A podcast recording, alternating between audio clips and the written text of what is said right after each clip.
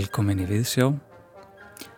Halla Harðardóttir og Tómas Ævar Ólafsson helsa 5. daginn 7. september. Í þætti dagsins hugsun við um rauðsokkur, kynum okkur nýjan bókmyndaþátt, heyrum af mánadartvöl Almars Allarssonar í tjaldi og hlustum á Stravinski. Já, eins og þau heyrið, kærlustendur, þá hefst Viðsjá í dag ansi hressilega á tónum úr fyrsta kapla Vorblótsins sem Ígor Stravinski samti árið 1913 í samstarfi við stopnenda rúsneska ballettsins í París, Diaghilev. Stravinski var þá þegar orðin viðfrægu maður fyrir framúrstefnulega takta í tónsmíðum. Þremur árum áður höfðu þeir félagar frumflutt eldfuglin þann 25. júni árið 1910 í París sem sló rækilega í gegn. Gagrinendur og rjóminn af listasennu Parísaborgar lofuðu verkið og ekki minni menn en Marcel Proust, Sara Bernhardt, Jean Cocteau og Claude Debussy voru meðal þeirra sem letu lofatökinn Dinja eftir frumsýningu. Verkið helt áfram að slá í gegn á ferðsinni millir leikhúsa, álfunnar og enn ferðast verkið um heiminn. Og í kvöld stýrir Eva Olli Kænen flutningi Sinfoníu hljómsettar Íslands á eldfuglinum. Á undan æventýri Stravinskis í kvöld mun hljóma annað æventýri, Merkjan Poem eða æventýraljóð eftir Sofíu Gubætulínu en tónleikanir hefjast á Íslands frumflutningi á glænjuverki eftir Daniel Bjarnason. Fyrsta verkinu í hljómsveita þríleik Daniels, verki sem innblásið er af gerfugreind og hverfist um spurningar um eðli meðvutundarinnar og lífsins. Já, en við ætlum að leifa eldfuglinum að fylgja okkur í þessum þætti.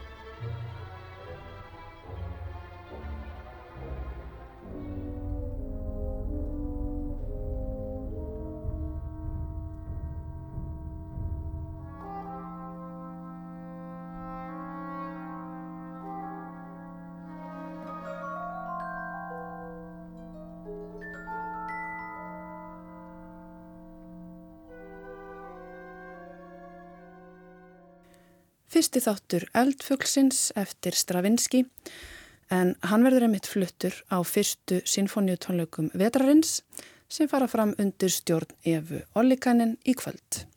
En þá að allt öðru.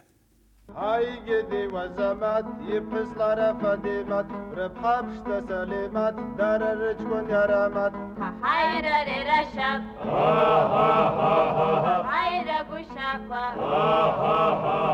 ჯებშთა ბახჭაჭა არსა ხაჭერემ ხაჭა ამ ცელწარ შაგაჭა ჯანჭალა ტრხარჭა ჰაირა რე რაშაბ ჰაირა ბარჯაფა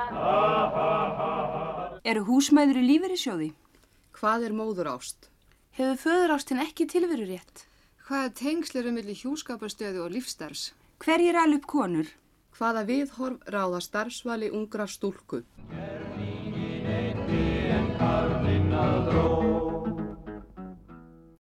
Hér heyrum við byrjunina á rúmlega 50 ára gamalli útvarpsþáttaröð Ríkisútvarpsins sem nefnist Forvitin Rauð. Fyrsti þáttur þessarar tíu þáttaserju fór í loftið þann 1. februar árið 1972 og var þáttarstjórn í höndum tíu meðlema rauðsokka hreyfingarinnar en núna í þessum töluðu orðum rúmlega fjögur þann 7. september 2023 fer fram málþing um rauðsokka hreyfinguna á þjóðminjasafni Íslands og nefnist á rauðum sokkum í hálfa öld en rúmlega 50 ár eru liðin frá því að konur hittust fyrst á rauðum sokkum og tóku þátt í undirbúningi fyrir kröfugöngu 1. mæ þar sem það er kröðust jafnrettis kynjana. Á baróttu spjöldum þeirra stóð meðal annars vaknaðu kona og konur nýtum mannréttindin en í þeirri kröfugöngu vakti helst aðtikli venusarstitta sem þær báru á herðum sér með borðað sem ástóð manneskja en ekki markaðsvara. Málþingið markar ekki aðeins tíman frá stopnun, heldur, heldur það einnig upp á nýjan vef um rauðsokkarhefinguna sem fór í loftið þann 24. oktober 2022 og má nálgast inn á vefsvæði Kvennasögusaps, nánar tildekið á kvennasögusap.is. Fyrir 40 ára amali rauðsokkarhefingarinnar þá kom út bók sem var eitthvað háskólaútgáðan gáð út á rauðum sokkum, baráttu konur segja frá Elin Björk Jóhannsdóttir, verkefnastjóri RIK, rannsóknarstofnunar í jafnbrettisfræðum við Háskóla Íslands. Og þar sögðu rauðsokkurnar voru þær hver og ein með svona sínar endurminningar og Olga Guðrún Árnandóttir rétt stýrði. En núna fyrir 50 ára ámæli þá eru þær búin að koma saman og búa til heimildavef um sig. Þannig að það er í rauninni fara frá svona persónulegra frásögn yfir í að komast að eitthvað samkommulegi um uh, narratífu um söguna af hreyfingunni byggða á eigin reynslu og, og minni. Akkurat og, og byggða á þessum frumskjölum líka og frum heimildum. Rakel Adolfsdóttir, fagstjóri Kvennasögursaps á Landsbókasafni Íslands. Þar sem þeir setja sig í einhvern veginn þannig spór að líta tilbaka og búa til til dæmis tímalínu yfir hvenar allar ástöfnarnu voru haldnar og slíkt. Uh, og þessi vefur og bókinirun uh, eru svona áframhaldandi barótaða ekki reyfingarinnar. Líklega hafa skátar ekki gert sér í hugalund þegar þeir settu hennar þekktu reglu sína vertu viðbúin að nokkur annar hópur í þjóðfélaginu myndi bókstallega lifa eftir þessari reglu. Margri húsmóðunum er þykja það nýðurlægjandi að þurfa að taka við fjö frá bonda sínum eða byggja hann um peninga fyrir hínu eða þessu. Samviskan segir til sín þegar eitt er fjö er aðrir hafa aflað. Hér heyru við afturglefsur úr útvarpsþáttunum Forvitin Rauð en alla þætti þessarar framsæknu útvarpsþáttaraðar má nálgast inn á nýja vefsvæði Rauðsokkarhefingarinnar á kvennasögusamt.is. Þar má einnig finna stafræn eintök af öllu útgefnu efni reyfingarinnar eins og tímaritinu Forvitin Rauð og tímaritinu Staklið, bókina um kvennafrítaginn og nýja kvennafræðaran. Síðan leynast þar hátt í þúsund stafræn skjöld til viðbótar sem búið er að flokka niður á afar notendavænan hátt. Þannig getur bæði lesið skýringateksta frá þeim mm -hmm. og skoða skjölinn með í samhengi eða bara skoða skjölinn og ljósmyndi frá reyfingunni og við enduðum á að líka út á kóðut og við höfum eitthvað svo langa tíma allt í einu að þetta er alveg 10.000 skjöl sem hafa verið myndið og eru sett þarna fram. Og þetta er líka leið fyrir kvennarsöðu samt að hérna já, að, að passa upp á að skjöl kvenna séu líka aðgengilega í þessu almannarími uh, sem internetið er. Viðfyrin er samstagsverkefni fulltrúarauðs okkar reyfingarinnar og saps og landsbókusafni og þær eru að koma með hugmyndina til okkar og byggja um samstarf sem að strax er tekið vel í en hérna með samt svona fyrirvarum að þurfa að sækjum styrki eh, til þess að vinna verkefni áfram. Eh, og á móti kemur landsbókusafn með myndastofu eh, og hérna vefstjóra og svona alls konar í tengslu með það til að setja henni upp. Og hluti af ástæðinu var líka að sko 2016 að þá hafi komið úr bílskúr Vilburgar Sigurdóttur alveg heilmikið efni um rauðsokkarhefinguna sem hafi áður ekki sérst, það er held að það hefði bara glatast. Um, og, og þar á meðal voru þessu hérna, miklu vegspjöld sem verður svona litrík og, og sjónræn. Og þannig að það var svona tækjafæll að skoða þau skjöl ennþá betur og skráða allt ennþá betur. Og svo hérna mynda og miðla á þennan hátt. Og þú, Rakel, ert með erindi um þetta mál á máltinginu þar sem þú ert þetta að tala um rannsókn og miðlun á einn sögu. Uh, segð okkur aðeins betur frá því verkefni.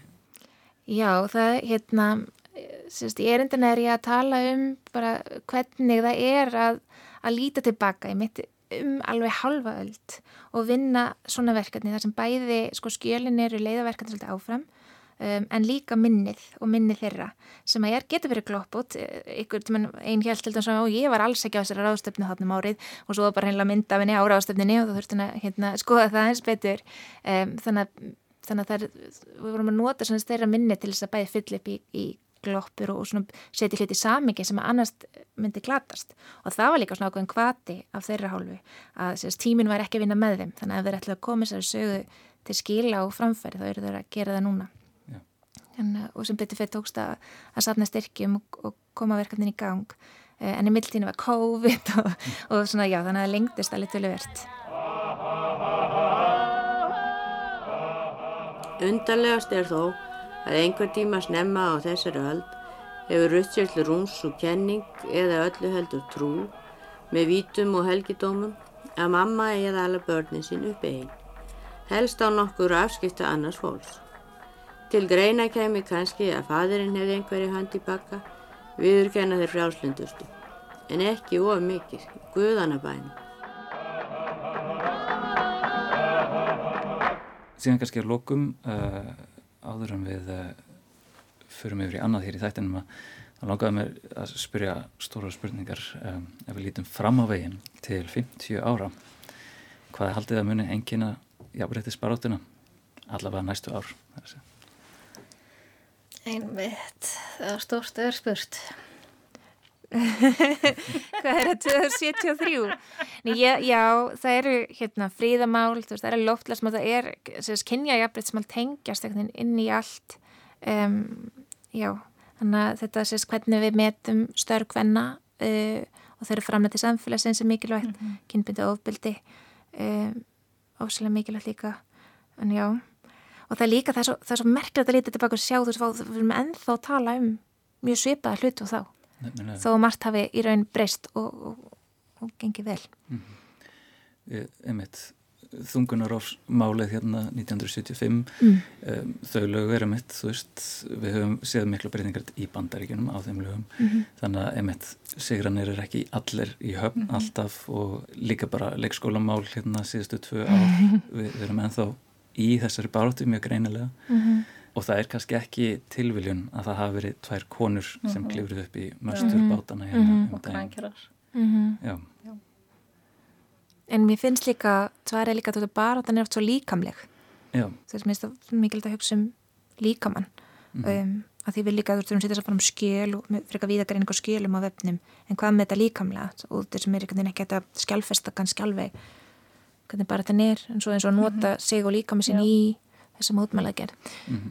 um, en við ég alveg, það er náttúrulega þess aldrei við neitt, þannig að þess að það, það er líka mjög áhugavert, það er aldrei neitt svona það er enginn í hunguverkvæli það tókur sér samt plás áslega mikið plás, já mm. en svo varðandi 50 ár fram í tíman það er bara að erfitt að, sjá, að ímynda sér hvar bakslögin munu koma við sjáum alltaf ákveðnar hreyfingar út í heimi. Sem maður getur ímynda sér að, og eru að einhverju leiti líka til staðar hér. En þetta er bara bara þetta sem maður þarf að halda áfram. Hún, hún er kannski aldrei alveg í höfn. Það er því miður er þetta ímynda sér að hún verði eitthvað tíman alveg í höfn. Ég held að það séu góð loka orð Elin Björk Jóhannsdóttir og Rakel Adolfsdóttir Takk hjá fyrir komna í þessu Takk fyrir mig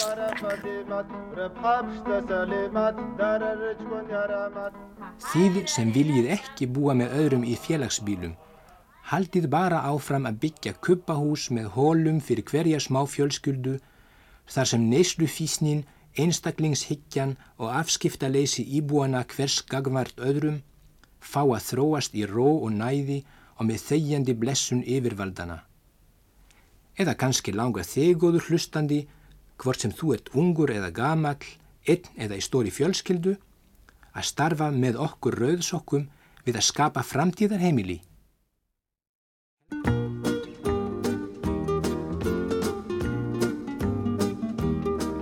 Allar einu sinni móði sem mætti dagsins önn, satt margar synd og las í andres bladi og innrann þessi fyldi hinn sama gamla söng halda í skildingin með töng Og spara við sér matinn og spara það og það. Eða sperrast annars tvöfald á sínum vinnustaf Og börnin skilja blanketinn svo illa Og börnin vilja alltaf drasli fylla. En móðirinn var geðbrúð og sagði bara sjá Já svona er að vera einstæð móðir. Það er vist eitthvað lögmál að lein mér síðu smá.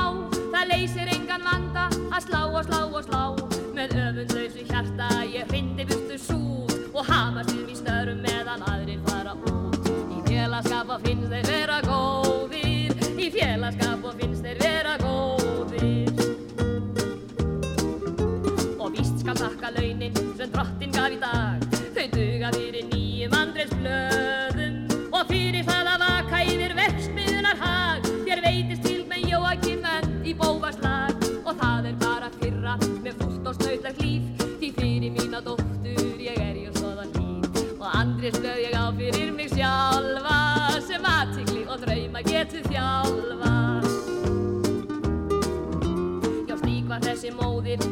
mætti dagsins þröng.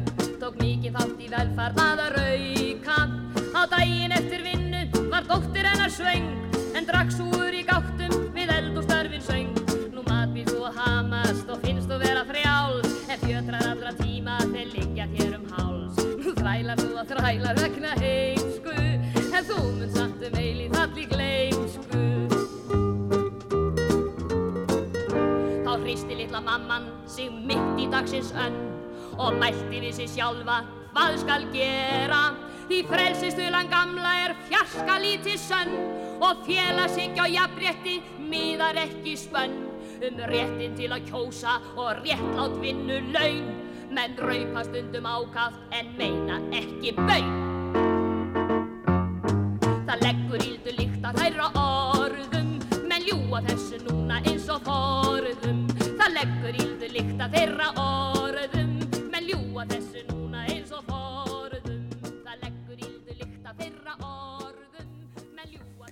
Lægið Einstæð móðir í dagsins önn sungið af Margreti Helgu Jóhansdóttur og þetta lag er að finna á plötunni Áfram stelpur. En í Víðsjá er komin gestur úr næsta nákrenni, mætti kannski segja. Á næsta borði, jável. Jóhannes Ólafsson, ertu velkomin. Takk hjá fyrir. Þú ert að fara í lofti með þátt núna á rásinni næsta laugardag Mhm. sem ber þann skemmtilega titil Bara bækur. Já. Ertu til að segja okkur aðeins frá þessum þætti? Þetta er uh, bókaþáttur eins og nafni gefði kynna. Það hefur nú yfirleitt verið einn bókmentaþáttur á þessari rás og, en fjallaðum bókmenti náttúrulega í, í alls konar öðrum þáttum og þessi, þessi þáttur verður vikulega og verður með svolítið opnu sniði, ég mun fjallum alls konar bækur í rauninni bara verður til að byrja með svolítið tilhörnastarfsemi ég veit ekkert hvert sko hvert þetta leiði mig hvort þetta mun leiða mig í einhverja, einhverja ákveðna átt eða, eða, hérna, eða hvar ég enda. En, en ég byrja allavega á því að ræða þetta nafn bara bækur. Þetta er svona, þetta er ákveðin leikur með mitt viðunefni ég, er, hef alltaf kynnt mig sem sko Jóhannes en kallaði mig bara Jóa og þetta var eitthvað svona eitthvað leikur og svo var þetta svona hugmynd sem að var eiginlega bara í gríni að, að, að nefna þáttinn bara bækur og svo einhvern veginn fór ég að leita meira og ég fann fann hérna gamla auglýsingu frá hérna, sem byrtist í tímaritinu Helgafelli 1953 og þar er sagt sko að það er verið að auglýsa öndvegisverk þjóðarinnar í, í bókmentum og, uh, og þar er sagt Helgafell býður yður bókmentir en ekki bara bækur og mér fannst þetta svolítið fyndið að hérna, þarna væri eitthvað skona stegveldi að bara bækur væru einhverjar innan tómar kápur en svo er það bókmentirnar sem að, hérna, við erum að bjóða upp á Mm. þannig að þetta er svona smá leikur og, og svo er náttúrulega bara, þú veist, það eru bara bækur sem að rúmast einhvern veginn í, í höfðin á mér þessa dagana og, og, og hafa gert lengi þannig að þetta og bara bækur skipta máli En þetta er náttúrulega stór hættuleg lína hvar við draugum og skiptum í sundur bókmentum og, og bara bókum og hún er kannski breytilega eftir árum og áratugum og árhundruðum. mm -hmm. hefur fundið ykkur tilfinningu hvað hún liggur í dag og hvað hún hefur leið áður En alltaf viðþór til bókmynda hefur og er alltaf að breytast sko á, á, lengi vel kannski á, á 19. öld þá var hérna, þá var lestur bara já það var svona svolítið litið niður á lestur það var bara, unga fólki væri bara hanga í, í bókmyndum það læsi bara bækur og væri ekki að, það væri ekki að byggja þig um að vinna hérna gott verk og hérna fara út að vinna. Og svo náttúrulega hefur rítmálið líka bara sem slíkt, veist, það var svona einhvern veginn átt að komi, komi vekk fyrir það að við myndum muna hluti að hérna hinn munlega hefð væri einhvern veginn dottin út og við varum með allt skrifa niður.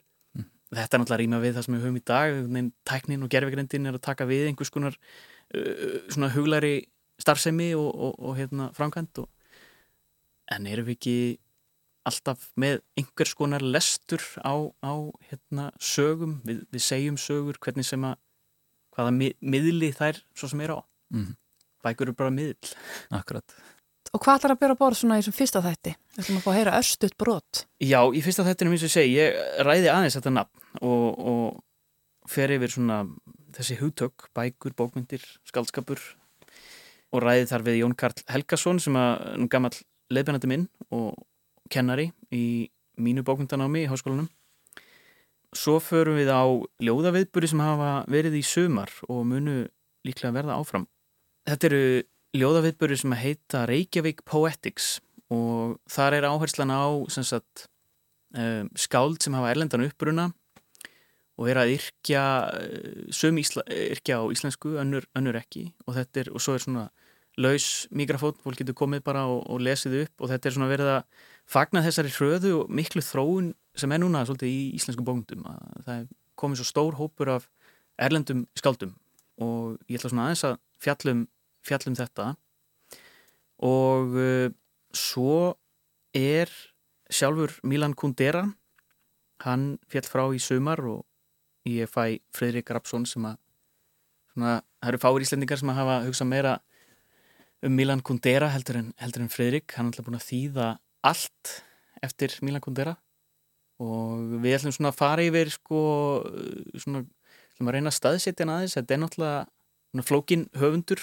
Hann er náttúrulega korki tekneskur eða franskur, hann er náttúrulega svolítið svona politíst flókin stærð.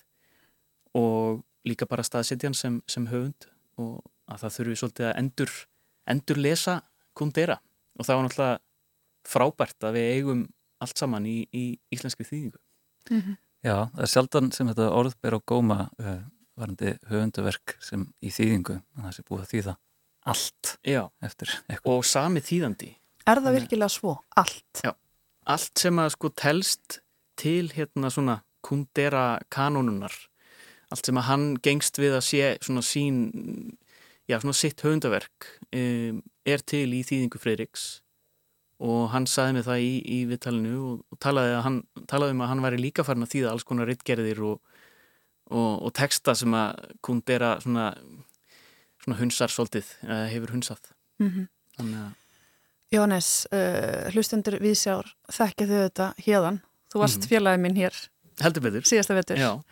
En nú ert þú að fara að stíga í spór Jóruna Sigurðardóttur sem var með auðvitað, þáttinn orðum bækur í fjölda ára þetta eru stór spór að stíga í. Já, og það er náttúrulega rosalegt. Ég, ég er svona, ég reyna að hugsa ekki um þetta sem, sem eins og ég sé, sé að stígi hennar spór þá ég sé að gera það. Um, þetta er nýtt nafn, nýr þáttur með nýju stefi. Og nýjum um, áherslum líka. Og nýjum áherslum kannski, já. Ég verð náttúrulega í hennar anda og, og uh, ég er náttúrulega stenda á hennar aukslum og, og fleiri sem hafa synt bókmynda umfjöllun hérna á rás 1 eh, alla þess ára tugi mm -hmm. en Jórun er náttúrulega alveg dásamleg og, og hefur alveg svona djúft innsægi í bara svona bókmyndirnar eru bara í beinónmáni og ég kannski mun aldrei ná að vera mikil sko viðburðarfluga og, og Jórun er, hún er einhvern veginn allstar, hún er stundum á tveimur viðburðum í einu. Ég ætlaði að mynda að spyrja það, ég ætlaði að verja duglegur og hún að farast um bæin með mikrofón. Ég held bara, ég mun aldrei ná því sko. hún mætti ofta á, á bara einhverja, einhverja alveg mjög fjarlæga hérna, ljóða viðburði og mætt með, með mikrofón mm -hmm. á, Mhm. á upptökum þannig að ég sé til en, en Mhm. ég mun reyna mitt besta Og hún er nú enn að mæta, hún verður hér eitthvað með þætti í húsi í vetur áfram. Já, hún ætlar að fjalla um þær bækur sem eru tilendar til bókmyndaveluna Norðurlandarás sem að hún hefur náttúrulega fjallað um í sínu þáttum og, og uh, gerir þá mjög vel. Þannig að við munum fá meira af jórunni. En Jóhannes, við hlökkum mikið til að heyra fyrsta þáttinn sem fer í loftið núna á lögadaginn klukkan klukkan fjögur.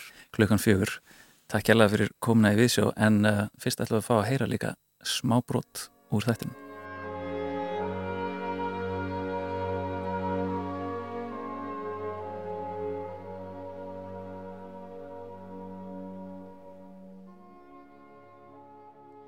Samskipti Milan Kundera við Tjekkland er í sjálfu sér efni í heilan útvarstátt. En til þess að stikla á stóru þá var Kundera sem ungur maður áberandi í tjekknesku menningar lífi. Kendi við Kvikmyndaháskólan í Prag og var formaður tjekkneska rittöfundasambandsins. Og var auðvitað upprennandi rittöfundur. Allt til ársins 1968 þegar sovjetmenn réðust inn í Prag og lífið varð aldrei samt aftur. Þær bækur sem höfðu komið út voru bannaðar, teknar af bókasöfnum og Kundera mátti korki skrifa neitt nýja byrta. Hann þrjóskaðist þó við og lifði á því að spila tónlist á jazzbúlum. Hann held áfram að skrifa, kannski aðlega sér til skemmtunar eða til að halda geðhelsunni. Þar á meða leikritið Jakob og Meistarinn og bókina Kveðjuvalsinn.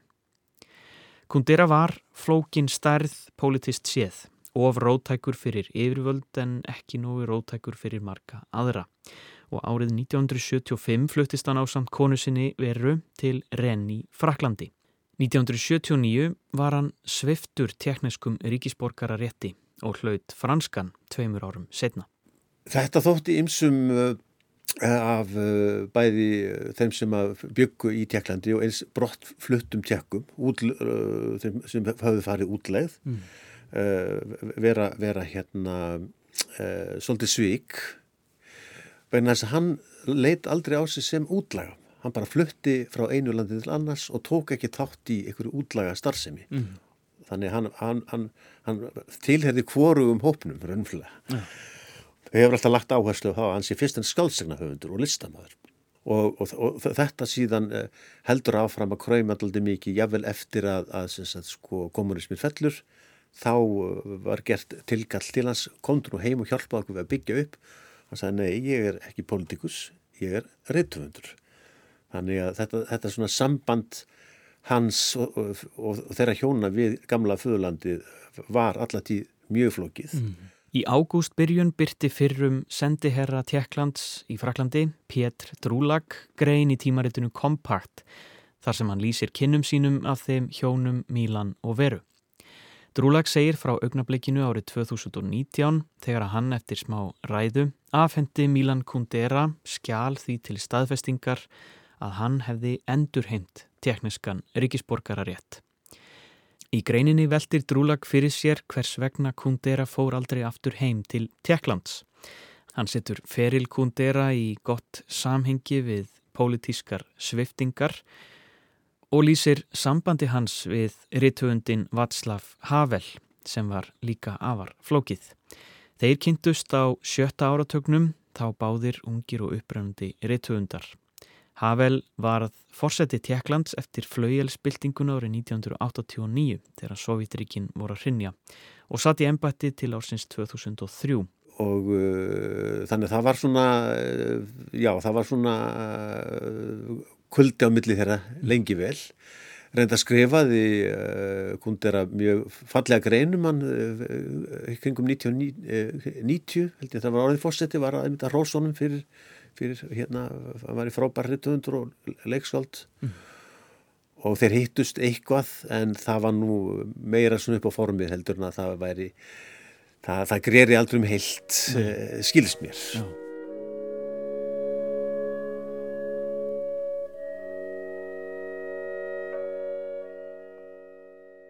En eftir Milan Kundera stendur höfundaverkið og það allt saman á íslensku.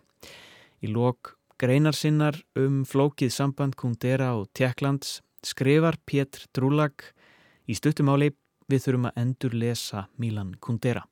Ég bjónist þeim til orð sem að ég, uh, ef að stjórnum að segja til í orðabók sem lýsur honum að geta, mér finnst að vera svona djúb fyndin höfundur.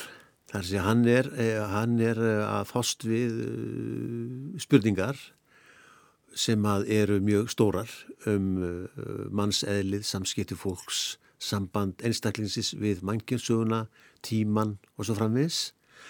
Hann er fást við uh, hugleiða, eins og hann kallar þetta sko hugleiðingaskáldsúr, ekki heimsbyggilega skáldsúr. Mm. Heimsbyggilega skáldsúr er að setja heimsbyggilega kenningu í ákveðan búningsskáldsúnar sem að Sart til dæmis gerði, Já. en hann uh, gerir það ekki. Það, það, hann er frekar að spyrja, hugsa og spyrja. Og, og, en gerir það jáfnframt á, á hátt sem er svona lettleikandi og skemmtilegur mm. og er ekki predika hann er frekar að stríða okkur, augra poti okkur og leiða okkur í allski svona uh, skemmtilegar gildur mm. dregur hér áfram og setur okkur, í, okkur og personlega aldrei vandræðilega stöðu og uh, það er svona þessi svona já, leikur með hugmyndir leikur með aðstæðar og personur sem að er kannski það sem að Uh, enginn er svona frásagna gleði í orðsins fylstu merkingu. Mm. Það er það sem að hellaði mig uh, allavega og hefur alltaf gert.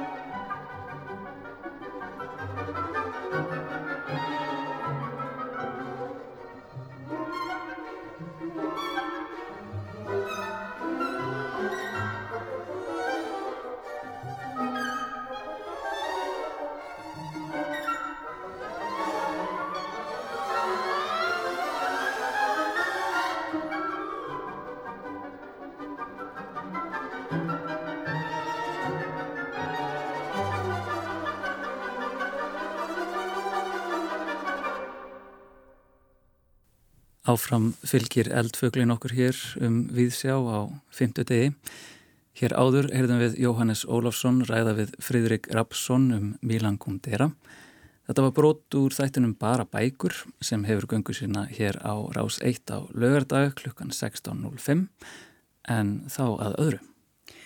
Árið 1912 mætti maður að nafni Áskrimur Jónsson á höfn í Hortnafyrði með liti í túpum í farteskinu. Þessi fræga heimsókn markar innreið landslagsmálverksins á Hortnafjörð en síðan þá hefur náttúrufegur Hortnafjörðar verið vinsælt efni landslagsmálara.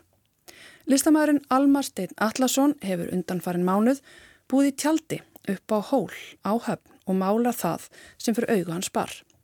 En gjörningurinn er vísun í þessa heimsókn áskrims. Almar er stattur í Reykjavík við innrömmun á afrakstrinum og hann leitt inn í hljóðstofu við sjálf til að segja okkur frá þessum gjörning. Almar Steinn Allarsson, verður velkomin í Víðsjá. Takk. Af hverju að rifja upp þessa ferð, þessa heimsókn Áskrims Jónssonar árið 1912 á höfn í Hodnaferði? Já. Sko ég held að það sé margar ástæður fyrir því sko. Bæði er þetta svona áhugaverð skrásetningar aðferð sko landslagsmálverkið sem að er held ég á mikill í uppsiklingu núna ég held að að fólk sko í mörgum formum fari svona hvað sko segja, back to the basics back aftur til tjáningar sko að því að nú er að vaksa upp þessi fyrsta kynslu listamanna sem hafa verið algjörlega oflaðnir beintengtir við internetið frá því áður en þau byrjuð að teikna mm -hmm. eða lesa eða skrifa eða þykjast fyrir einhver annar eða hvað sem það er sem fólk gerir í vinnunni og ég held að þetta svona hljóti að hafa allavega einhverja vendingar í förmið sér og ég held að sé sko frelsi allt megi frekar hann sé einhverja bylgjur og eitthvað er út og, og það er einhver konceptlist sem að dó allstaðar í heiminum ára 1978 en lifði góðu lífi hér 30 ári viðbót og alls konar svona undarlegt svona sem ég held að hætti þegar allir hafa aðganga öllu. Já, heldur að fólk hafi svona þörf uh, fyrir að fara í, eins og það er back to basics, svona í frum tjáninguna eða hvað? Já, allavega einhverjir sko, ég held að sé aðalega kannski bara allir megi gera allt En málverkið er mitt á þess að við fyrir að tala um já Þá er málverkið svona daldi ábyrjandi núna. Já, málverkið það er alltaf fólk að halda því fram að sé búið að drepa málverkið sko. Mm -hmm. en það er, en það er svo skemmtilegt að mala fólk hafa ekki þetta að hætta því. Nei, hvenna byrjað þú að mála? Sko ég byrja að mála bara ég var svona bara lítill sko mjög snemma orðin gífurlega uppskrúfað ungmenni með Jónas Helgrímsson og vörum og, og trönurnar einhver stórandi móa Mm. en ég var farin að mála svona úti bara bara 9-10 ára sko en svo hætti ég því alveg síðar Ummitt. Sko, margir hlustendur kannski muna eftir þér úr kassanum. Þú varst eiginlega bara þjóðþektur á einni nóttu. Þetta var, uh, var þetta ekki útskriftaverkið þetta í listaháskólanum eða? Nei, þetta var reyndar bara þarna frekar snemma á minni skólagöngu. Ok.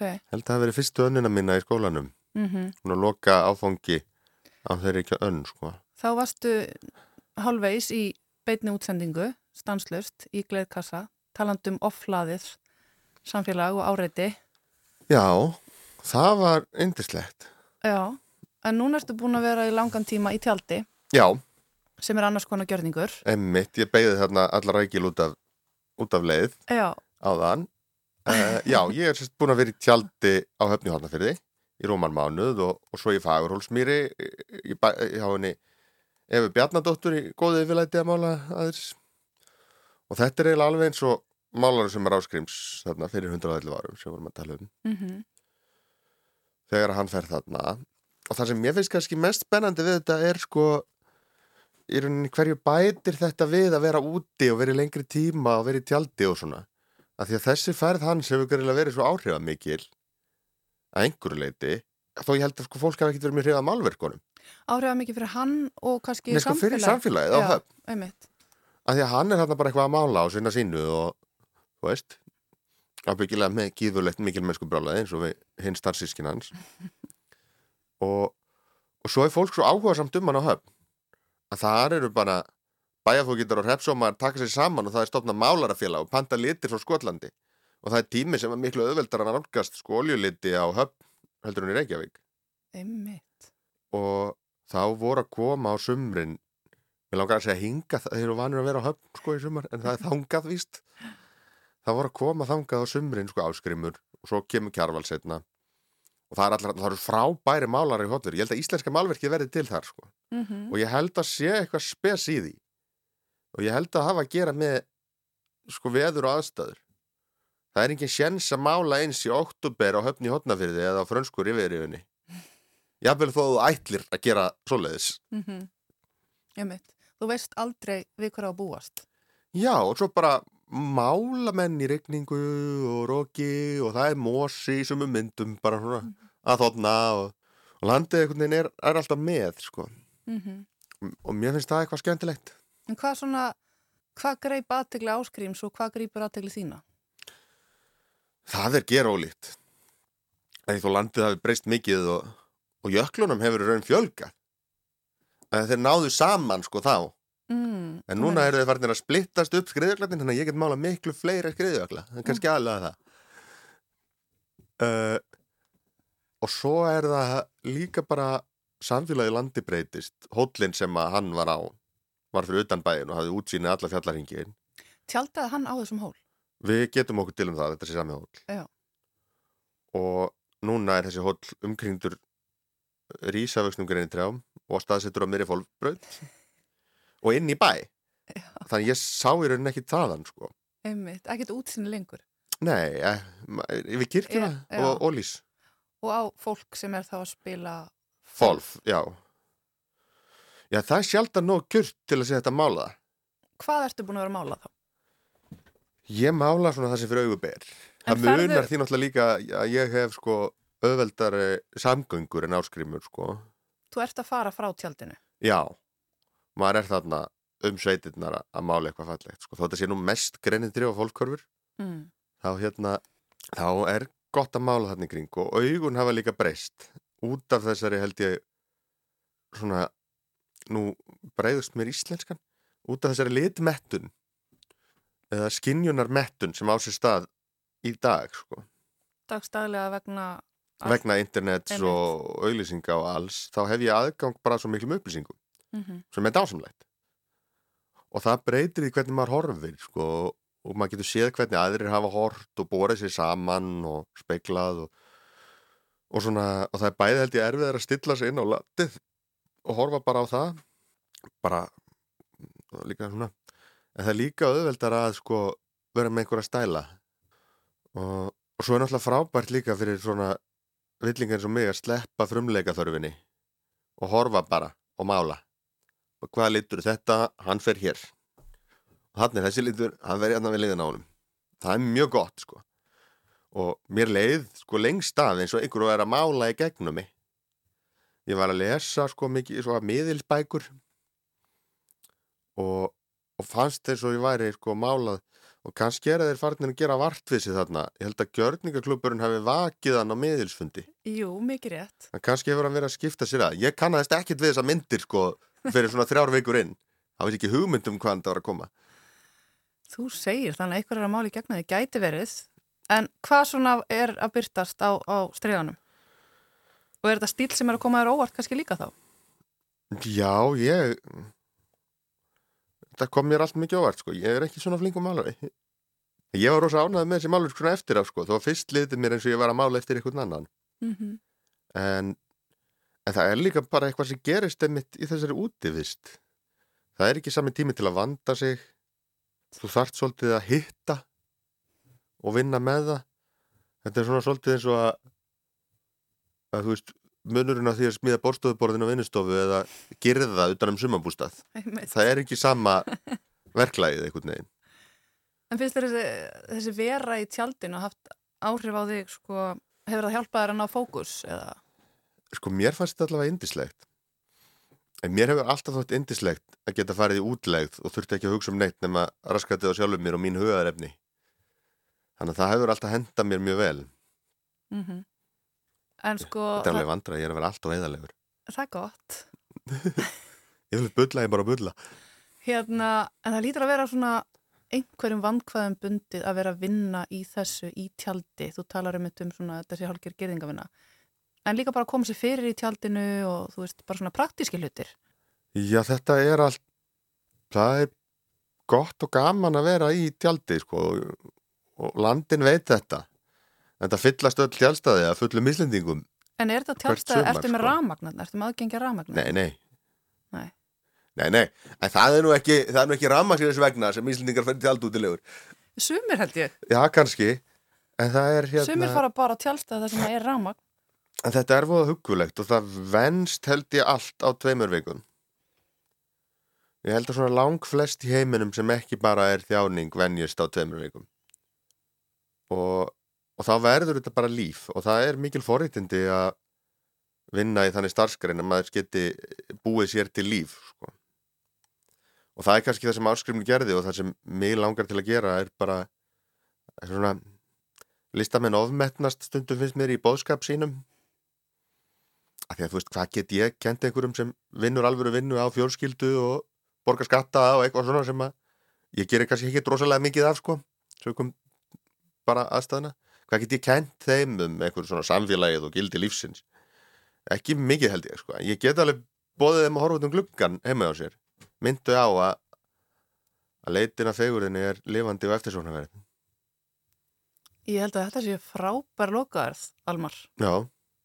Leitin að fegurðinni er lifandi og eftirsoknaverð. Opnun í næstu viku. Já. Þú ert í Reykjavík núna. Ég er í Reykjavík núna að ramma inn og, og hérna og týna saman og svona og svo fer ég austur fljótlega og, og hérna og setja upp og, og tjaldinni og gista eina aukarhótt og það hefði hugulegt þarna Þá geta allir fengið að njóta þess sem þú ert búin að vera að meila og upplifa í tjaldinu. Almar, takk fyrir að vera með okkur hérna í Vísjá. Gangið vel. Takk fyrir mig.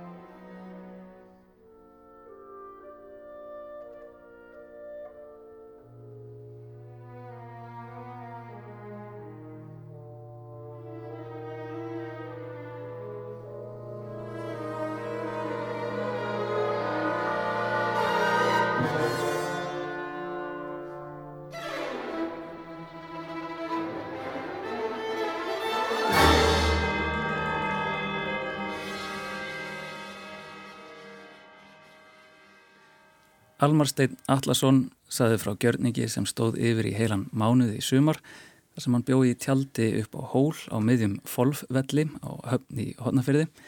Gjörningurinn er vísun í ferðalag Áskrims Jónssonar á höfn árið 1912, ferð sem sumir segja marka upphaf íslenska landslagsmálverksins. Almar málaði grimt það sem fyrir augu bar á höfn og umhverfið spægin og sínir afraksturinn á Svavarsafni á höfn síning sem opnar þann 15. september næstkomandi. Og hér ljúku við þætti dagsins, eða næstum því. Eldfuglin hefur fyllt okkur um þennan þátt í flutningi Velska Arms Breska Ríkisúldarpsins undir stjórn Terry Fischer. Og við leifum síðasta þætti eldfuglsins að ljúka þessum þætti og þessari viku í Víðsjá. Við Halla Haradóttir og Tómas Ævar Ólason þökkum ykkur kæra lustendur fyrir samfélgina og við þökkum Mark Eldrett fyrir gott ljóð.